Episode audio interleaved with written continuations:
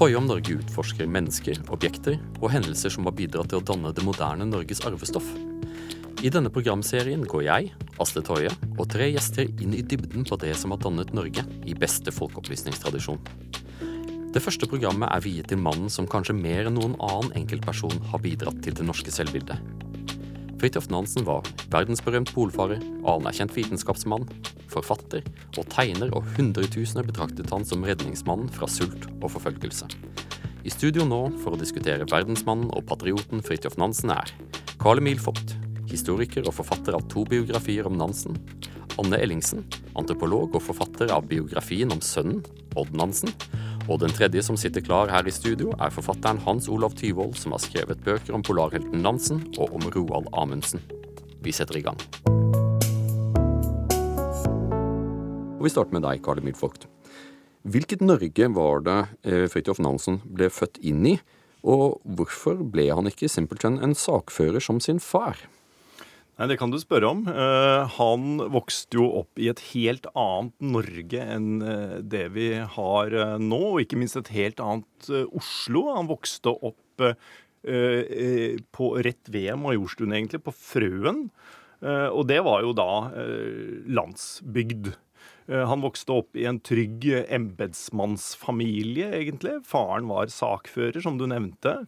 Eh, men moren kom fra de aller øverste sosiale kår. Hun var født Wedel Jarlsberg, så det er jo liksom noe som er lite kjent. At han egentlig heter Fridtjof Wedel Jarlsberg Nansen. Eh, Fridtjof Nansen ble født i 1861. Hadde han noen søsken? Han hadde flere søsken. Eh, han hadde en del halvsøsken fra morens tidligere ekteskap. Hun var en, eh, en fascinerende skikkelse som hadde brutt, brutt, litt ut, egentlig, av den eh, adelsfamilien hun kom fra. Meget konservativ far, blant annet. Hun hadde giftet seg mot farens vilje med bakersønn Bølling. Og da hadde hun måttet gjennomføre det bryllupet hos tante og onkel oppe på Bogstad. Det var ikke noe hvem som helst det. da. Det var enkegrevinne Karen Wedel Jarlsberg, som liksom var mer liberal enn svogeren. da. Og eh, Hans Olav, når um, ungen Hansen vokser opp, hvorfor er det slik at han blir så voldsomt fascinert av, av naturen og skigåing? Er, det, er, dette typisk? Dels har det med det som Carl Emil sier, at der hvor han vokste opp, det var praksis talt på landet med marka som nærmeste nabo. Så han lærte jo av disse eldre brødrene, enkelte hadde, hadde gjort militærtjeneste, hvordan man skulle overleve i marka. og Det ble hans store, store lidenskap. Tilbrakte veldig mye tid der sammen med lillebroren, som jo ble den som førte sakførerkarrieren videre i, i familien. Det som er interessant med faren til Fridtjof, Baldur, det er at alle beskrivelser jeg har lest av ham, beskriver han som en usedvanlig grå og kjedelig mann. Og denne mannen så da et eller annet i Fridtjof Nansen. Er det ikke så uvanlig at folk ser store ting i sine barn? Men han så at denne gutten hadde et eller annet ved seg, men han skjønte bare ikke hva. Men utypisk nok for den tiden så lot han gutten utvikle seg på sine egne premisser. Eh, og Anne, hvordan, eh, hvordan vil du beskrive forholdet mellom far og sønn? Det var jo veldig anstrengt. Det var sånt, eh, en sånn klam omfavnelse fra farens side som vi kanskje kaller eh, sånn symbiotisk nå. At faren var veldig opptatt av sønnen og å dyrke sønnen. Eh, sånn at Fridtjof hadde problemer med den veldige dyrkingen. Faren var mye deprimert og involverte sønnen mye i det. Og det er litt interessant når jeg ser på hvordan Fridtjof hadde det overfor sine sønner. For det kom til å bli ganske anstrengt, det også. Og da åpner jo han seg overfor sønnen sin i et av de brevene jeg har fått lov å lese arbeidet med boka mi om Odd Nansen, sønnen til Fridtjof. Eh, så åpner Fridtjof seg og, og, forteller en del om forholdet til faren, og det var noe han ellers ikke gjorde, altså. Men så er det interessant at uh, moren til Fridtjof hun var jo veldig frittalende, som Karl Emil var inne på her. Veldig frittalende og selvstendig. Og, og Fridtjof var jo sånn, det er ikke noe hemmelighet at han var veldig glad i damer. Og særlig tiltrukket av damer som gikk på ski. Som var flinke til å gå på ski. Og det hadde jo moren også gjort. Og det var jo helt, egentlig helt uhørt for en dame av hennes stand å, å ferdes rundt i, i, marka på den måten. Men det er mange som er glad i å gå på ski, Karl Emil. Hvorfra kommer denne fascinasjonen for eh, å gå veldig langt på ski, eh, og det å, eh, å utforske sivilisasjonens yttergrenser. Var no, var det, noen tegn til dette i de unge årene til Fridtjof Nansen? Ja, altså, han streifet jo rundt i marka sammen med lillebror Alexander. da, og Var veldig, veldig sjefen i det forholdet. Men uh, uten at jeg liksom har fått bekreftet det, så er jeg helt overbevist om at det å vokse opp liksom i oppdagelsens tidsalder? I barndommen kunne de lese om Stanley og Livingston og sånne ting. Det har gjort enormt inntrykk og vært liksom tidens eventyr. Og når vi kommer til liksom det arktiske, som ble Fridtjofs uh, felt, da, så, så var jo det de siste hvite flekkene på kartet. ikke sant? Det var oppdageren. Og så er det som vi finner med ganske mange store skikkelser, at de mister mor i en kritisk mm. alder. altså Akkurat når de skal, er i ferd med å skal bli voksne menn. Fridtjof Nansen, John Lennon altså det er, en, det er en lang liste med, med, med akkurat, uh, akkurat, det der. Og det tror jeg også har noe med det som Anne var inne på, dette litt spesielle forholdet hans til kvinner. Som jo også var et resultat av at han, uh, han virket som fluepapir. Han mistet mor veldig tidlig, og det tror jeg var uh, veldig viktig uh, faktisk for hans utvikling, sånn som Hans Olav sier. Og stikk motsatt viktig for ham i forhold til en fyr vi må innom senere, Roald Amundsen. Han opplevde det som befrielse at mm. moren eh, dør, for hun ville at han skulle bli lege. Mens Nansen, der blir det selvfølgelig et sårt savn på en helt annen, annen måte, og det gir nok aldri slipp. Og Nansen han, eh, han, han, vokser opp, blir litt eldre, og så bestemmer han seg for å dra på, eh, på universitetet. Han begynte å studere naturvitenskap og eh, hadde store evner der, egentlig. Han studerte først i Kristiania, og så kom han til et veldig interessant miljø ved museet i, i Bergen, hvor bl.a. Eh, Armaur Hansen, altså leprabasillens oppdager, var en av de ledende forskerne. Så dette var liksom det eneste miljøet i Norge som virkelig var et internasjonalt forskningsmiljø på eh, naturfag. da. Så det kom, han, det kom, han, inn i der og hadde veldig stor nytte av. Og så kom han seg ut i verden. Altså Han traff de, de flinkeste forskerne innenfor nevrovitenskap, da, som dette senere ble. Eh, Golgi i Italia og Heckel i Tyskland, blant annet. Og hele prosessen med å velge seg et studium var et kapittel for seg for Nansen. Fordi at han var såpass flerfoldig begavet. altså Lærerne var ikke noe glad i ham på skolen, for han var den eleven som bare tok alt med letthet. Uansett om det var bøylehest altså, e, e, eller latin eller hva det var det lå lett for, eh, for, Nansen. Det er jo ingen som liker eh, å, å, ha sånne elever. Så da han skulle velge seg et studium, så var hans første valgkriterium at det skulle være et studie som ville gi ham mye anledning til å være utendørs. Og, og, derfor så ble det, ble, ble det, zoologi. Og det at det ble i Bergen, ble utrolig viktig for ham. Det hadde nok noe å gjøre med, som Anne sier, altså få en avstand til farens litt eh, klamme omfavnelser. Men der fikk han et hybelvertskap som fikk stor betydning for å utvikle ham som menneske. Et prestepar. Og han var jo erklært ateist. Og denne presten og Nansen de forble venner hele livet. Og der skjedde det åpenbart veldig mye med hodet altså At han fikk en anledning til å prate, til å utvikle eh, innerste tanker og snakke fortrolig, som han sannsynligvis aldri hadde kunnet gjøre med faren. Ja, Men hvor kom denne sterke følelsen av, av plikt fra? Eh, i, eh, i Nansen, for det tydeligvis må det være noen ting som ligger i bakgrunnen hans. Eh, han er evnerik, han er, han er, intelligent, han er sterk, han er glad i å gå på ski. Eh, men det gjør jo ingen polarhelt. Eh, eller det skaper ingen polarhelt nødvendigvis. Anne? Han har i hvert fall fått med seg ganske klar melding hjemmefra fra faren om at sånn gjør man, og sånn gjør man ikke.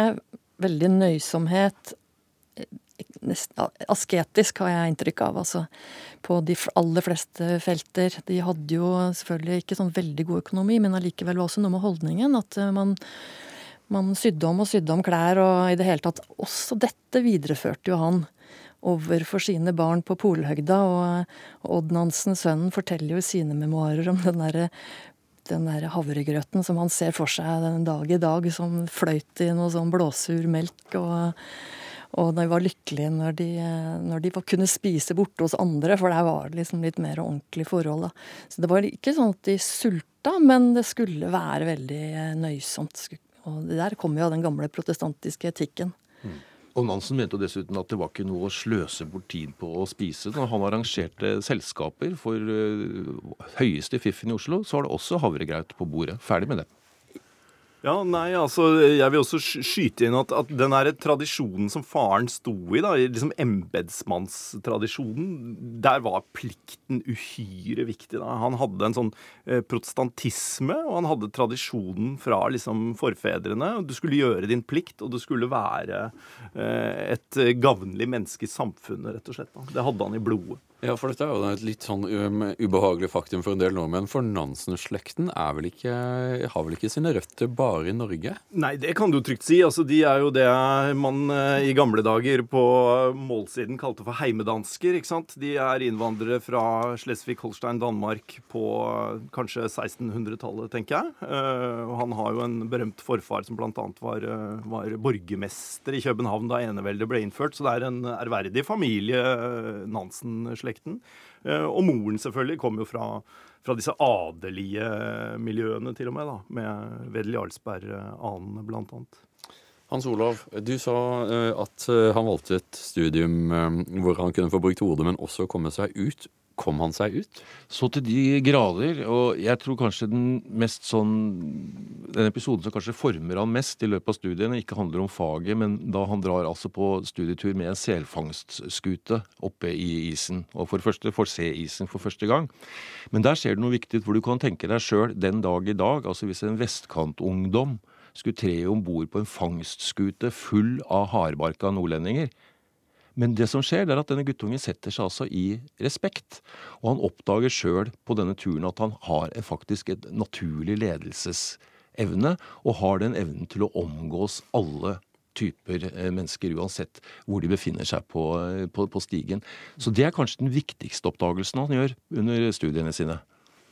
Det er jeg helt enig i, og det sier han jo selv også. Liksom, at da han så Grønlands fjell, på en måte, men ikke fikk muligheten til å gå i land der, da han var om bord med en viking, så satte dette liksom seg i hodet på ham. Han måtte tilbake. For det er et viktig poeng. Hansen startet ved universitetet i 1880, og i 1888 så eh, blir Nansen introdusert for, eh, for hele Norge. Han gjør noen ting som gjør han veldig berømt, og det er knyttet til eh, Grønland.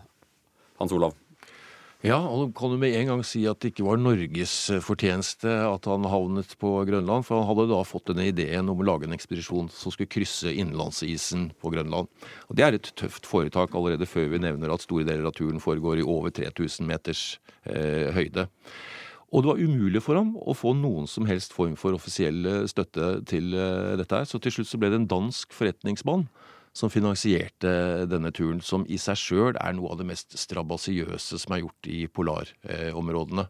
Ja, for eh, det hadde jo vært uh, ulike ekspedisjoner som hadde snust på dette. Nordenskjøld uh, og Peary hadde, hadde, hadde, hadde, gjort forsøk, eller iallfall landet på Grønland. Hvordan kom Nansen på denne ideen om at det, var, at det var viktig og nødvendig å gå på ski over Grønland? Nei, altså, Han hadde jo med interesse studert disse her eh, forsøkene som du nevner. Eh, men det han så, det var at de gikk fra det koloniserte danskkoloniserte Vest-Grønland og østover. Eh, han ville gjøre det helt motsatt, tenkte han. Og det er jo liksom det dristige ved ham. da. Han eh, får en idé om at han skal ilandsette en ekspedisjon på det ukoloniserte Øst-Grønland. Der var det kanskje en noe annen eh, inuitt, men ikke noe annet. Og så skulle de gå vestover mot sivilisasjonen. sånn at ekspedisjonen måtte frem, hvis ikke så døde de, rett og slett. Og røttene til denne ekspedisjonen ligger jo i den første ekspedisjonen, som ikke kan kalles en ekspedisjon, men første gang han ble virkelig omtalt i avisene, da han som første kjente nordmann krysset Hardangervidda på vinteren. Luthers uh, aleine. Det var det som først gjorde Nansen, Fridtjof Nansen til et navn. Og stakkars Baldur måtte sitte og lese om dette her som føljetong i Aftenposten med da stadig økende bekymring. Og det er det mest dumdristige prosjektet han har gjort. Han legger, altså det, er, det er brudd mot alle fjellvettsregler, bortsett fra den å være i god form. Luthers aleine med bikkja, så krysser han altså Hardangervidda med han har, han har, ost, han har noe eh, flatbrød. Han har ikke sovepose, ingenting, så han har allerede liksom overlevd det totale, totale vanvidd. Og ikke minst sett hva som ligger av potensialet til litt ære og berømmelse i det. Men selv til tross for det, så var det altså ikke mulig å hente penger til grønlandsferden. Nettopp, og Det er et veldig viktig poeng. det der Du sier at han så potensialet i den selv. For det er han selv som regisserer på en måte dette i mediene. Han skriver føljetongen selv i Aftenposten, er det vel. ikke sant? Det er mm. fantastisk lesning eh, den dag i dag. Og dette viser noe av hva skal vi si, evnene hans til å løfte seg selv frem da, i offentligheten. Dette var i massemedienes, altså pressens barndom og, og virkelige oppblomstringstid. Da. Ja, for, for Nansen, eh, et trekk som går igjen gjennom hele karrieren hans, er at han er jo ikke bare flink, men han er også ganske flink til å få folk til å forstå at han har vært flink. Anne? Han var jo en sånn modernitetens mann på det der. At han forsto betydningen av, av mediene. Bruke dem for alt de er verdt. Og han innevarslet jo en ny tid bare ved sin rent fysiske skikkelse, som da han bodde i Bergen, hvor altså går med korte jakker. Og dette var altså en kilde til enorm forargelse. De stiller jo ut hva vi andre prøver å skjule, fikk jo da, da Nansen høre. Og på toppen av det hele så gjorde han en ting som var veldig radikalt. Han gikk barhodet. Og den gangen så var jo hatten du bar, fortalte så mye om hvor du hørte til i samfunnet. Så det å stille barhodet det var i seg selv et ganske nesten litt revolusjonært eh, signal.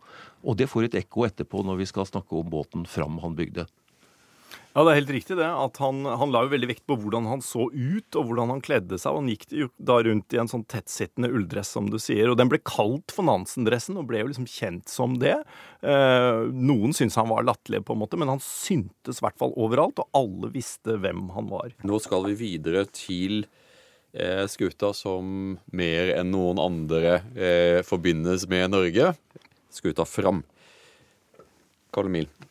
Skuta Fram var jo eh, konstruert av den kjente skipsbyggeren Colin Archer i, i, Larvik. Beste man hadde i Norge. Og den var konstruert for å tåle uh, å fryses fast i isen. Altså den skulle ikke bli knust. Uh, den skulle presses opp i isen, og så var planen at den skulle drive i isen fra eh, Øst-Sibir og så over Nordpolen eh, og helt mot eh, Grønland. Fordi Nansen trodde på havstrømmer som gikk den veien der. Så planen var å nå Nordpolen drivende i isen, rett og slett. Og noe av det mest fantastiske med den båten var at den i det hele tatt ble bygget. Som vi nevnte i stad, så var det umulig for Nansen å reise de småpengene som skulle til for å gjøre den turen over Grønland. Så kommer mannen, og han har da aldri hatt kommando over noen skute. Det han gjorde på Grønland var ikke et maritimt foretak, det var på fastland. Så får han det norske Stortinget, som ikke har penger i det hele tatt, til å bevilge 200 000 kroner. Som senere blir til 300 000. Det er en helt vanvittig sum til å bygge denne skuta. Og det sier litt om hva grønlandsferden hadde utrettet med Nansens renommé i seg sjøl. Fra å ikke få én sponsor, så blir han altså foran det største enkelt Altså aldri et privat prosjekt som har fått en sånn type stønad fra norske stat. Ja, eh, kort Karl Emil, hvis du vil følge opp på det. Hva slags status eh, hadde eh, Nansen etter grønlandsferden i Norge og internasjonalt? Hva er det som gjør det mulig for han at Stortinget bevilger denne store summen? Altså, Han var jo kanskje den største norske nasjonalhelten allerede da han kom hjem fra grønlandsferden. var eh, en enorm uh, happening. Altså 50 000 mennesker tok imot ham i Kristianias gater. ikke sant? Han var den store nasjonalhelten. Og så må vi huske på at dette er en tid hvor forholdet til Sverige begynner å bli vanskelig. Storebror og leder i unionen, ikke sant, Sverige. Eh, sånn at det å få eh, nasjonale helter og store prosjekter som det framferden eh, var, det var veldig viktig i et Norge hvor nasjonalismen virkelig var på fremmarsj. Kan du, kan du gi oss et, et kort grunnrys av hvordan framferden forløp seg? Den gikk jo over tre år. De Fra, 18, fra, fra 1893. Og de kom frem, eller tilbake, da, i 1896. Eh, den gikk ikke først og fremst nordover, egentlig. De la ut fra Finnmark, og så seilte de eh, østover i eh, russiske farvann. For å la båten fryse fast i isen, da, sånn at den kunne drive nordover. Og da var de utenfor rekkevidde for all kommunikasjon med omverdenen, sånn at de bare forsvant inn i isødet, rett og slett. Og folk som satt her hjemme, ante jo ikke hvor de befant seg, og hvordan dette gikk. Eh, så eh, viste driften nordover mot Nordpolen seg mye dårligere enn det Nansen trodde. Da, sånn at de ble liggende mye lenger sørover. Og de satt om bord i du kan tenke deg mørketid, polarnatten såkalt, hvor det er mørkt store deler av vinterhalvåret. Eh, de hadde ikke mye å ta seg til i dette mørket. Eh, Nansen begynte å bli veldig frustrert da han skjønte at de ikke kom til å nå Nordpolen, eh, og mistet i grunnen kontrollen over båten og mannskapet. Det er helt riktig. Det er jo Otto Sverdrup, hans høyrehånd, som på mange måter redder ekspedisjonen. Og når Nansen og Johansen begynner å gå til Nordpolen, så er det et åpent spørsmål om ikke nettopp en av tankene til Sverdrup bak dette er å roe ned forholdene, hvor man er ganske nær et mytteri. Og det, det, er her vi får de første negative bildene av Fridtjof Nansen på denne turen. Og han gjør det som Jeg tror vi alle har hatt dårlige sjefer av den typen som den ene dagen så teller de binders. Og den andre dagen så er det fullstendig la alt skure og gå. Det var altså ikke noe konsistent lederskap fra Nansens side på, eh, på denne turen.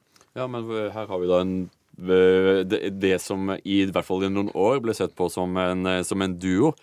Eh, Nansen og Johansen, Kalle? Ja, Onde tunger sa jo at Nansen plukket seg ut Johansen fordi han var 100% lojal. ikke sant? Det er et veldig sånn talende bilde en gang hvor de skal i land i uh, Sibir. De skal vel sannsynligvis hente noen hunder, for de hadde hunder med om bord til hundesleder. Uh, og uh, Nansen vil ikke bli våt på støvlene. Da tar Johansen og bærer ham på ryggen i land. ikke sant? Sånn at alle de andre om bord vet at Johansen er råsterk, og han er kjempelojal. Sånn at da valgte Nansen seg ut eh, Johansen som en uh, lojal følgesvenn, og så skal de gå til Nordpolen. Så på mange måter så forlater Nansen eh, skuta. Dette er et nederlag. Sverdrup overtar kommandoen, som du sier. Og så går han mot Nordpolen, og dette mislykkes jo også. Men likevel og det er det imponerende med Fridtjof Nansen, syns jeg. Så klarer han å komme tilbake til Norge, overvintre osv. Og, så og det er helt utrolige strabaser han og Johansen er eh, igjennom. Og så klarer han å vende dette til en enorm triumf og ta tilbake lederskapet. Og Det er en sånn evne som går igjen hos ham gang på gang, syns jeg. At han klarer å vende nederlagene sine til noe stort. altså. Og akkurat i dette tilfellet så kommer jo samspillet med broren til sin rett. For akkurat som eh, Roald Amundsen, som også hadde sin bror Leon, så var det jo også dette å holde interessen oppe PR-messig hjemme, holde på dette dramaet. Så slik at da Nansen og Johansen omsider fikk kontakt med engelskmenn, da, i, etter, husker ikke hvor lenge de var i Søda aleine, så visste disse engelskmennene allerede at de var savnet. Og dette her er blitt en greie som går igjen på sånne norske polarhelter. Det der å, å bli borte en stund og komme tilbake. Det er det beste PR-messige løftet du kan gi ditt uh, prosjekt. Roald Amundsen han utviklet dette en kunstform etter hvert. Skrudde av radioen og sånn under turer så det skulle virke som de var uh, borte. Du hører på NRK P2, og dette er Asle Toje i Toje om Norge. Så hvor stor er Nansen når han kommer tilbake etter Fram-ekspedisjonen? Det er jo enormt. Altså, Fram uh, seiler sørover langs norskekysten, og da uh, møtes faktisk Fram og Eh, Nansen og Johansen igjen i Nord-Norge, sånn at de samlet kan seile sørover og bli hyllet langs hele kysten i 14 eh, dager eller noe sånt nå. Og når de kommer inn Kristianiafjorden her, så er det noe av det største som, som noensinne har skjedd eh, i Oslo. Ja, eh, Anne Engelingsen, du nevnte innledningsvis at, at Fridtjof Nansen i unge år var glad i jenter. Ikke bare unge år. Nettopp. For nå kan han komme tilbake til Norge. Han er kan vi si at han er den mest berømte av nordmenn? Eh, kanskje? Ja, altså sammen med Bjørnson eh, kanskje. Men eh, han er helt klart i toppen, og også med en internasjonal stjerne. Altså Han var stor i England, han var stor i Tyskland, han var stor i Russland, USA, overalt. Sånn at han hadde en helt, helt enorm stjerne etter denne framferden. Og Anne, hvordan, hvordan, hvordan tar han for seg? Altså, han var jo veldig god til å trøste, da. Og eh, det slår meg det derre Den um, tosidigheten hans. Altså, han er både machomann, ikke sant. Som du sier, han var flu, et fluepapir på damene.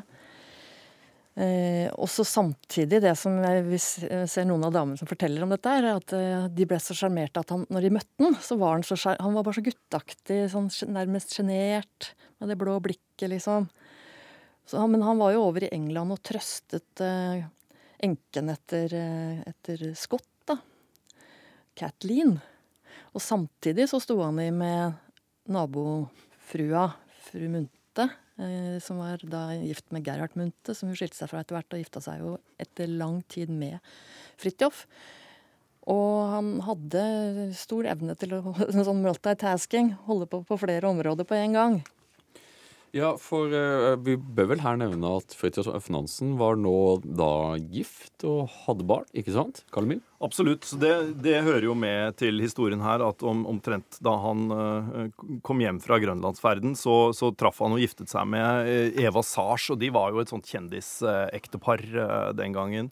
Uh, godt gift i og for seg, men ikke noe enkelt eh, ekteskap, som Johan er inne på, i og med at han hadde sine affærer osv. Og, så og han var jo uh, mye borte, da. Du kan tenke deg å sitte hjemme med første barnet under hele framferden og vente på denne mannen som aldri kom hjem, og du aldri visste hvor du hadde. Jeg syns det er litt sterkt at han dedikerer en av bøkene sine til Eva, som sto modig tilbake. Han forstår det, hvordan det er. Hun hadde jo håpet på å kunne få være med. Og det tror jeg kanskje hun var glad for etterpå at hun ikke var. Men... Og hans kontroll over sitt eget uttrykk kom også han sjøl til gode. For hvis du ser på bilder av Fridtjof Nansen allerede fra han er barn til han går i grava, så holder han det samme ansiktsuttrykket. Det bestemte han seg for allerede som barn, så han poserer alltid med det samme ansiktsuttrykket. Og det har jeg lest flere som har skrevet om første gang de møter Nansen. De blir overrasket over at mannen i det hele tatt har mimikk. Og når de ser mannen Nansen smile, så ser de noe de aldri har sett før. og de, Det beskrives sånn som jeg ser folk eh, beskrive Bill Clinton når de møter ham, at de føler virkelig at de har hans fulle oppmerksomhet. Det er veldig interessant det du sier der. altså Fridtjof Nansens barnebarn Eigil Nansen han, han, spurte meg en gang om jeg noensinne hadde sett et fotografi av Fridtjof Nansen hvor han smiler, akkurat som du sier. Og det tror jeg ikke. Og jeg har sett gjennom noen tusen, faktisk. Og dette er altså en bevisst PR-strategi fra han er tenåring. Ja, for nå går vi over i en ny fase i Nansens liv. Eh, spenningene mellom Norge og Sverige har vokst seg eh, store over tid og er i ferd med å bli uoverstigelige. Og i um, denne heksegryta som, uh, som, som, ender i 1905, så spiller Nansen en viktig rolle, Karl Emil. Det er riktig. Han hadde jo da denne nasjonale heltestatusen som vi har vært inne på. Han hadde giftet seg med Eva Sars. Hun var ikke noen hvem som helst. hun var søster til Ernst Sars, som liksom var den store venstreideologen. Eh, sånn at han var godt plassert liksom, i, i norsk politikk eh, også, Nansen. Og i, i 1905 så fungerer han som rådgiver og en av de aller viktigste aktørene eh, i året, faktisk, for frem mot det at Norge faktisk fikk sin uavhengighet eh, fra, fra Sverige. For Nansen hadde kontakter i Storbritannia, hadde han ikke? Jo, sånn at eh, det er kanskje den aller viktigste rollen han spiller i året. At han er en uformell diplomat. Man husker på det at det eneste Norge hadde til felles med Sverige i denne unionen, det var utenriksvesenet, diplomatiet, og det var kongen. Sånn at eh, Det var jo det striden sto om, at Norge ønsket seg et eget konsulatvesen, som det het. At Et slags utenriksvesen som skulle ha i hvert fall med, eh, med handel og økonomi å gjøre. da. Eh, så det var her det, det toppet seg. Og Nansen var en figur som regjeringen kunne bruke rundt omkring i Europa, fordi han hadde innpass overalt. Og forholdet til England er såpass viktig at når Norge bestemmer seg for prins Carl, så er et ikke ubetydelig argument at han da er gift med eh, Maud, og, som da er en del av det britiske eh, kongehuset. Var det et råd fra, fra Nansen, eller, eller, var det bare et generelt tegn på at Storbritannia var en viktig brikke i Norges uavhengighet? Nei, Det skyldtes vel eh, mer det danske kongehusets veldig sentrale rolle i forhold til alle europeiske kongehus på, på den tida. Så det var klart at for Norge så var det veldig interessant å huke seg på eh, det. Altså, De som foreslo at Fridtjof Nansen skulle bli konge, ingen visste bedre enn Nansen at kong Fridtjof 1. ville ikke ha nummer én, han ville ikke ha noen som helst portefølje. Ingen, han ville ikke bli invitert eh, noe sted. Og Nansen, som jo for det første da var republikaner, Og for det andre var mot å oppløse unionen det er jo litt pussig at det er han som blir arkitekten og den som gjennomfører uh, dette her. Ja, da vil han jo, Nå ville jo ikke Nansen vært den første republikaner som ville tatt, uh, tatt tronen hvis den ble tilbudt til han. Men Karl Emil, hvor reelt er dette? Mange har jo hørt denne historien om at Fridtjof Nansen nesten ble konge av Norge. Det sier vel noe om hvor populær han var ja, i Norge, men er dette en myte? Jeg kan nok tenke meg at han heller ville blitt president i så fall. For som Hans Olav uh, Tyvold sier, så, så, så var han jo republikaner i utgangspunktet. Eh, mange forsøkte å dytte ham frem som en fører og eh, presidentskikkelse dette året. Sånn at eh, tidlig i 1905, februar-mars, så hylles han her i byen som den mulige føreren. Grip makten, Fridtjof Nansen, skriver Dagbladet på lederplass, ikke sant? Og jeg er sikker på at om han hadde ønsket det, så kunne han nok også gjort det. Men alt tyder på at han eh, ikke tok den eh, risikoen, og at han fremfor alt ønsket å bevare sin eh, uavhengighet, som han sier selv. Han ønsket ikke de, alle de forpliktelsene som var med den stillingen. Og så forholdt han seg ganske klokt til politisk dyktigere mennesker, som særlig Christian Michelsen og Ernst Sars i, i dette året. Da, sånn at han, han, han fungerer som rådgiver for dem. Mikkelsen ber ham vel om å bli utenriksminister eller noe sånt uh, etter hvert, men, men, Nansen vil ikke inn i denne politikken.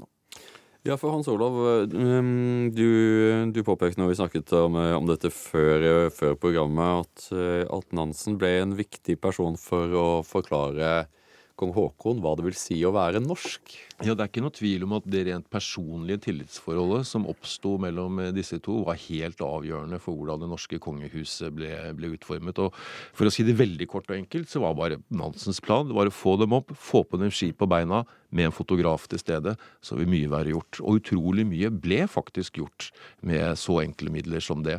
Men prins Carl følte at han ikke hadde noen han virkelig kunne stole på blant alle disse norske embetsfolkene som hele tiden gjorde sine hoser grønne hos han. Men hos Nansen, og igjen dette vi snakket om i stad, et personlig tillitsforhold som jo varer så lenge Nansen lever.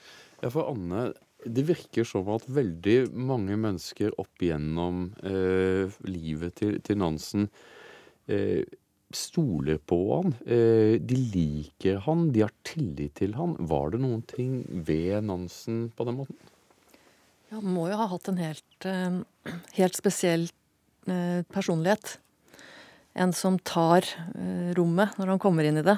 Uten at man behøver å se på han, så vet man at han er, at han er der. på en måte. Hvordan var det da å være eh, i Nansen-hjemmet, når dørene var lukket og pressen hadde gått? Ja, det, det, var jo veldig mye dysterhet, har jeg skjønt, men det var jo også et spenn der, fordi han kunne, han kunne også være veldig høyt oppe og var veldig glad i å danse og boltre seg med kostymer på kostymefest og sånn. Så han, hadde, han var jo veldig sånn livsnyter. Men uh, Sigrun Munthe, som var gift med henne i lang tid, ble spurt hvordan, hvordan, uh, hvordan det var der hjemme. Nei, vi snakker jo ikke noe sammen, nærmest. Eller ord av lignende innhold, da barna kunne jo oppleve han som eh, også veldig sånn todelt. At han var veldig blid og grei mot jentene og kjempestreng mot guttene. Han videreførte det som for så vidt var vanlig på den tida, men som han i spesielt stor grad hadde opplevd hjemme. Og Nansens eh, kanskje største sorg i livet, det var jo tapet av sønnen Åsmund som, eh, som, var født sjuk og rett og slett var et mobbeoffer. Eh, og det var en enorm sak eh, for ham da han virkelig døde. Og, og dette gikk så tungt inn på Nansen at det ble sagt at han det var et skille. Han ble aldri den samme etter det. Men jeg vil også nevne den, den eldste av sønnene, Kåre. For det er også et interessant uh, tilfelle. For han mislykkes uh, på mange måter. Han, uh, han når ikke opp til farens voldsomme forventninger.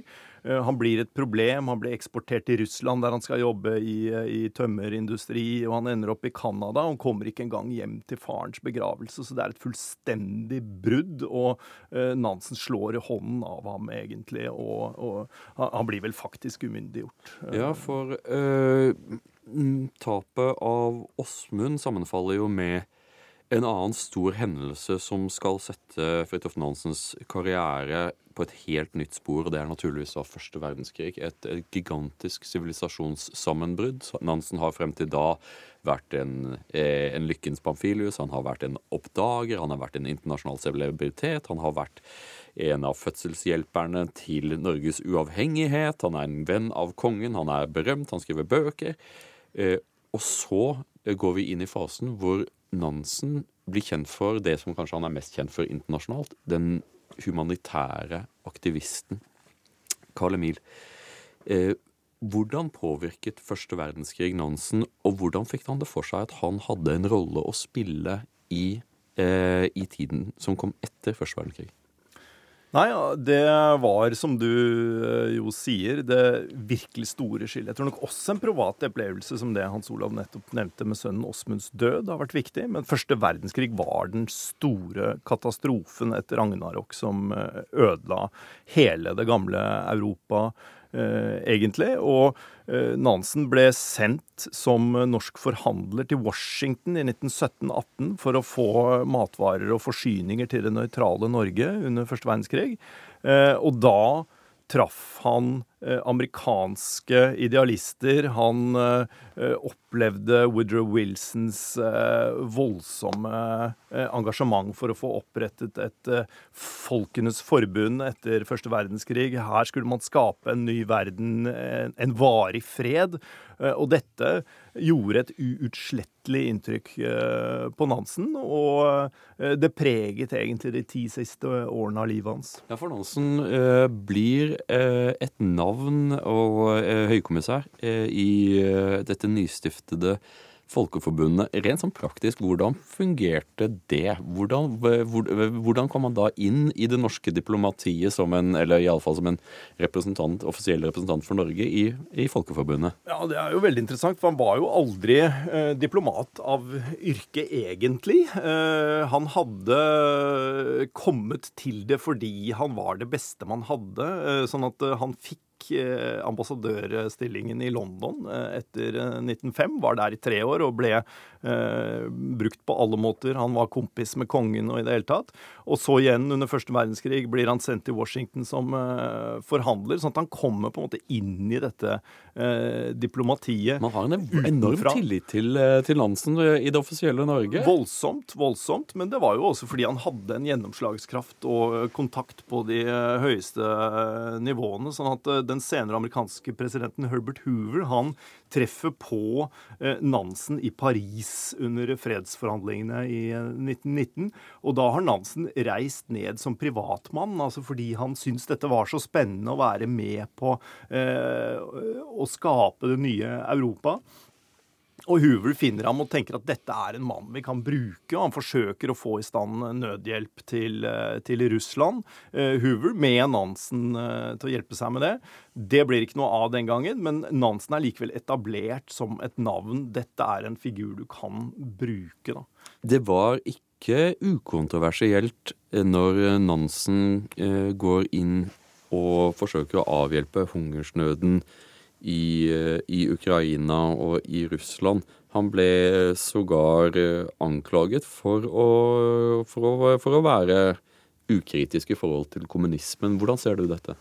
Jo, Det er jo veldig interessant at Nansen, som vi uh, i Norge er vant til å se på som en uh, litt sånn høyreorientert uh, nasjonalist Hvis du, hvis du spurte Lenin, f.eks., så ville han si at dette er en kar vi kan bruke. Han kan vi stole på.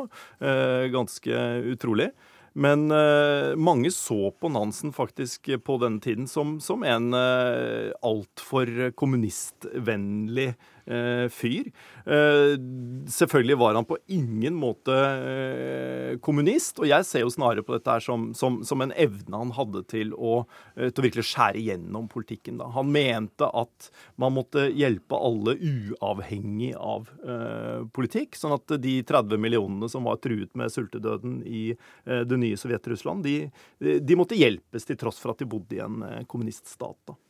Og han fremhever jo faktisk i taler sågar for fedrelandslaget kommunismen som den ideelle samfunnsform, så fremt samfunnet er så liten som en inuittstamme. Mm. Ade? Ja, den der humanismen som, som står igjen som en bauta etter Fridtjof Nansen, den handler jo om det der med å skjære igjennom og se mennesket og se menneskeverdet. Uavhengig av, av hvilket eh, samfunnssystem dette mennesket er så heldig eller uheldig å være omfattet av. Da. Og datteren Liv skrev en veldig fin bok om faren sin, og det Eh, det som, det som gjorde mest inntrykk på meg, var å lese om hvordan hun, hun opplevde faren utvikle seg. liksom han, eh, han, ble så Det med å se de barneøynene til disse små ungene som sulta i hjel, det klarte ikke faren å se på. Han måtte tilbake og hjelpe de ungene. Og det, det er liksom kjernen av den humanitære innsatsen hans. Det handler om å hjelpe uansett.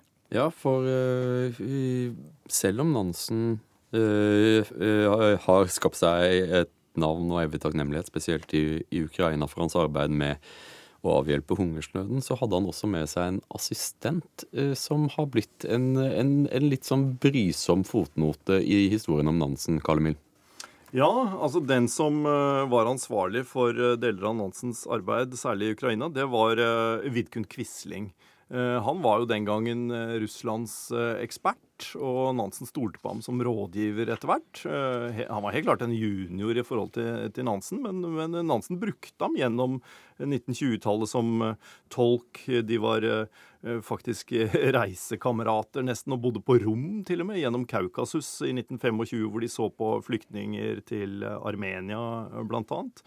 Men de hadde aldri noe nært forhold, de to. Det var veldig sånn sekretæren i forhold til eh, lederen. Men, men Quisling selv så seg jo som Nansens arvtaker på mange måter, og lanserte seg selv som politiker da Nansen døde i 1930.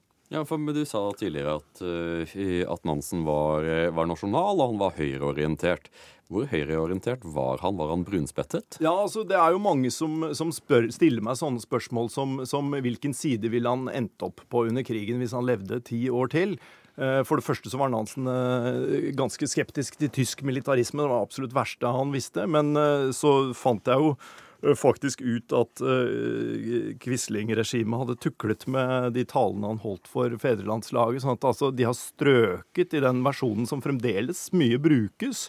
Uh, så har de strøket ut en advarsel han hadde direkte mot Hitler, egentlig. Altså Han sier ikke Hitler, men han sier uh, høyre militære kupp, og han nevner Ludendorff som, som forsøkte å gjøre kupp sammen med Hitler. sånn at Advarselen hans mot fascisme er veldig tydelig. Nansen eh, var ikke noen han trodde ikke, på, han trodde ikke på det parlamentariske systemet og partiene og sånn i noe særlig grad, men det var han jo på ingen måte alene om i mellomkrigstiden. Dette er også veldig interessant eh, når vi kommer til, eh, til annen verdenskrig og okkupasjonen av Norge. For da hadde jo Quisling selvbestaltet uh, kommet til makten i Norge, og sønnen Odd ser seg grundig lei på at han bruker, misbruker, farens navn. At NS eh, prøver å fremstille eh, Quisling som den naturlige arvetageren etter Fridtjof Nansen. Og eh, Odd Nansen viser seg jo da til de grader som sin fars sønn helt sånn uhørt, egentlig. Bare oppsøker Quisling på kontoret hans og leser han teksten. Og sier eh, 'hold opp med det der'. Ja, for, Eller ord av lignende innhold. Ja. ja for, for, Odd Nansen, han, eh, han, betaler jo en viss pris for sitt engasjement selv, gjør han ikke det? Ja, det tok ikke så veldig lang tid før Odd Nansen ble arrestert. Sendt til Grini først, på straffarbeid oppe i nord, og så ned til den aller verste delen av fangeoppholdet hans nede i Sachsenhausen. Da. Ok, men da kan vi sette to streker under det, altså at, eh, at Nansens, uh, Nansen var ikke brunsprettet. Da tviler jeg på at de hadde sett, sendt sønnen hans i konsentrasjonsleir. Du finner uansett et ganske godt bevis på det i boken han skrev om Eskimo-liv. Altså den, hans beskrivelse av urfolk og urfolks rettigheter er helt uhørt for den tiden, og forårsaket faktisk en liten diplomatisk eh, krise i forhold til København. For han slo fast at uh, enkelt at det er grønlenderne som er best skikket til å, å, lede, lede, Grønland. Og den måten han da eh, vektlegger de forskjellige samfunnsverdier, som kan minne på Thor Heyerdahl. Jeg tror Thor Heyerdahl har hentet en del av sin eh, filosofi fra samme kilden. Så det å tenke seg denne fyren som en sånn rasebasert eh, rabiat fascist ut på 30-tallet, det er ganske utenkelig for meg. Du hører på NRK P2, og dette er Asle Toje i Toje om Norge. Men nå må vi tilbake til, um, til, Nansens arbeid for Folkeforbundet. For det var ikke kun hungersnøden i, i Sovjetunionen eh, som han, eh, som han aktivt arbeidet for å bekjempe. Han gjorde også et stort arbeid for eh, et tema som jo eh, har fulgt oss med fram til i dag, arbeidet for flyktninger. Og det ble sågar innstiftet et eget reisedokument som eh, for all ettertid har blitt kjent som Nansen-passet. Karl Mill. Det er riktig. Uh, Nansen-passet var en veldig sånn smart uh, oppfinnelse, egentlig. Det fikk jo etter hvert også et offisielt navn, Nansen-passet. Det var et identitetsdokument som ikke ga flyktningene fulle statsborgerlige og juridiske rettigheter, men et stykke på vei gjorde tilværelsen deres enklere. Da. Det fantes over én million russiske flyktninger rundt om uh, i Europa etter revolusjonen og, og russiske borgerkrigen. Eh, disse var fratatt statsborgerskapene av eh, regjeringen sin, altså sovjetregjeringen. Eh, og for at de skulle få jobb, sted å bo, bare kunne døpe barna sine, sånne helt enkle, fundamentale ting i livet, så trengte de et identitetsdokument, og det hadde de ikke. Og da laget de disse Nansen-passene som ble gitt til hundretusener av mennesker, og bedret situasjonen for uh, veldig mange flyktninger. Og jeg kjenner ikke til noe tilsvarende tilfelle i verdenshistorien, altså hvor et menneske har fått et internasjonalt identitetsbevis grunnlagt på sitt gode navn og, og rykte det er, det er ganske uhørt. Og, men hva var poenget med dette Nansen-passet? Var det at folk skulle vende tilbake til sine hjemland, eller var det for å gi dem en mulighet til å finne seg eh, et nytt sted å leve og, og, og, i frihet og sikkerhet? Jeg tror nok eh, alle tenkte da som nå i og for seg at det beste for flyktninger er å komme seg hjem, men det viste seg jo helt umulig eh, i den eh, situasjonen som var da. Og de måtte rett og slett leve ganske langsiktig i Tyskland, i Frankrike og i Norge for den saks skyld. Mange russiske flyktninger som kom hit. Sånn at det var for å løse praktiske problemer for dem i hverdagen. Og de fleste ble jo også værende. Det må ha vært fysisk slitsomt for Nansen, som nå, når vi kommer utover på, på 1920-tallet, så er han jo ingen ung mann lenger. Hvordan, hvordan makter han det hele? Ja, Du ser jo på ham når du ser bildene fra 20-tallet at han ser jo faktisk eldre ut enn sine noen og 60 år. Og både dette med problemene på hjemmebane, men også rent det, det psykiske inntrykket ved å se all den døden og elendigheten eh, som han så i Russland på toppen av det hele med å reise og reise og reise. Så han var, og måten han dør på, altså brått, eh, tyder jo på at han rett og slett var slitt ut. Ja, og Odd Nansen forteller jo det. Vi så den der skyen som hang over hodet hans eh, så mye, og vi klarte ikke å skjønne at det kanskje hadde noe med andre ting å gjøre enn oss, da. Så han følte at han liksom aldri strakk helt til, han Odd. Men det som jeg syns er veldig, noe av det som er veldig flott med arven etter Fridtjof Nansen, det er jo hvordan eh, hele Norge for så vidt har jo fått en, en sånn humanitær arv å forvalte, men også sånn familien hans. Ikke minst da Odd Nansen, som, eh, som var opprinnelig arkitekt og sto jo for hadde ansvaret for Fornebu lufthavn og i det hele tatt, men han måtte da etter hvert bare, eller han valgte å skyve vekk på samme måte som faren så skjøv han bokstavelig talt vekk det innredet eh, i arkitektkontoret hans, så ble det Nansen-hjelpkontor og i det hele tatt. Og så sier han at dette har ikke alltid vært så enkelt, for arkitekter lever jo tross alt å tegne hus for folk. Og sånn var det jo litt med Fridtjof Nansen også. Han ga jo sine private penger han, til, eh, til eh, Donerte til humanitært arbeid. og ja, selv nobelprisen sin eh, ga han bort. Og da en forretningsmann ville erstatte den, siden han hadde gitt bort til flyktninger, så ga han bort denne erstatningen også. Hvis Nansen hadde vært der i dag, så tror jeg han ville vært veldig glad hvis noen kunne fremheve som en del av arven hans det han gjorde som vitenskapsmann. Eh, altså Både forskningen hans på slimålen, som var en veldig viktig del av det å komme frem til å kartlegge det menneskelige nervesystemet. Eh, forskningen hans sto på pensumlistene på legestudiet her i landet til langt utpå helt nesten frem til 50-tallet. Og de målingene han foretok oppe i nordområdene, de er altså da nullmålingene for det vi i dag har av klimaforskning på eh, nordområdene. Han kommer med de første målingene. Han er den første som faktisk gir de dataene som gir folk en mulighet til å danne seg et bilde av hva er det faktisk vi har med å gjøre. Husk på at da han lot seg fryse inn i isen, så var det en utbredt oppfatning at jo, det finnes et varmt land der oppe på Nordpolen med vulkaner à la Island og så hele tatt. Så han gjorde et enormt vitenskapelig arbeid som han selv nok var litt trist for at ikke ble mer fremhevet. Han ville nok kanskje like gjerne hatt en nobelpris i medisin, tror jeg. Bare skyte inn her. Veldig glad for at du nevner dette med vitenskapen, fordi dette er en mann som faktisk har eh, to karrierer innenfor to helt forskjellige grener innenfor naturvitenskapen. Altså Han lå helt i forskningsfronten i nevrovitenskap. Og så eh, blir han oseanograf. Altså Det er ganske enormt. Han kunne meget godt ha fått Nobels eh, medisinpris for de oppdagelsene han gjorde i, i nevrovitenskapen. altså. Men han fikk ikke eh, prisen i fysiologi. Han fikk eh, Nobels fredspris i 1922. Eh, det må ha vært eh, en litt spesiell affære. Det er jo ikke så mange nordmenn som har fått denne prisen. Nordmenn er jo veldig opptatt av Nobels eh, fredspris. Karl mm, det var veldig spesielt. Eh, Riktignok hadde Christian Lange fått den året før, sammen med svensken Hjalmar Branting.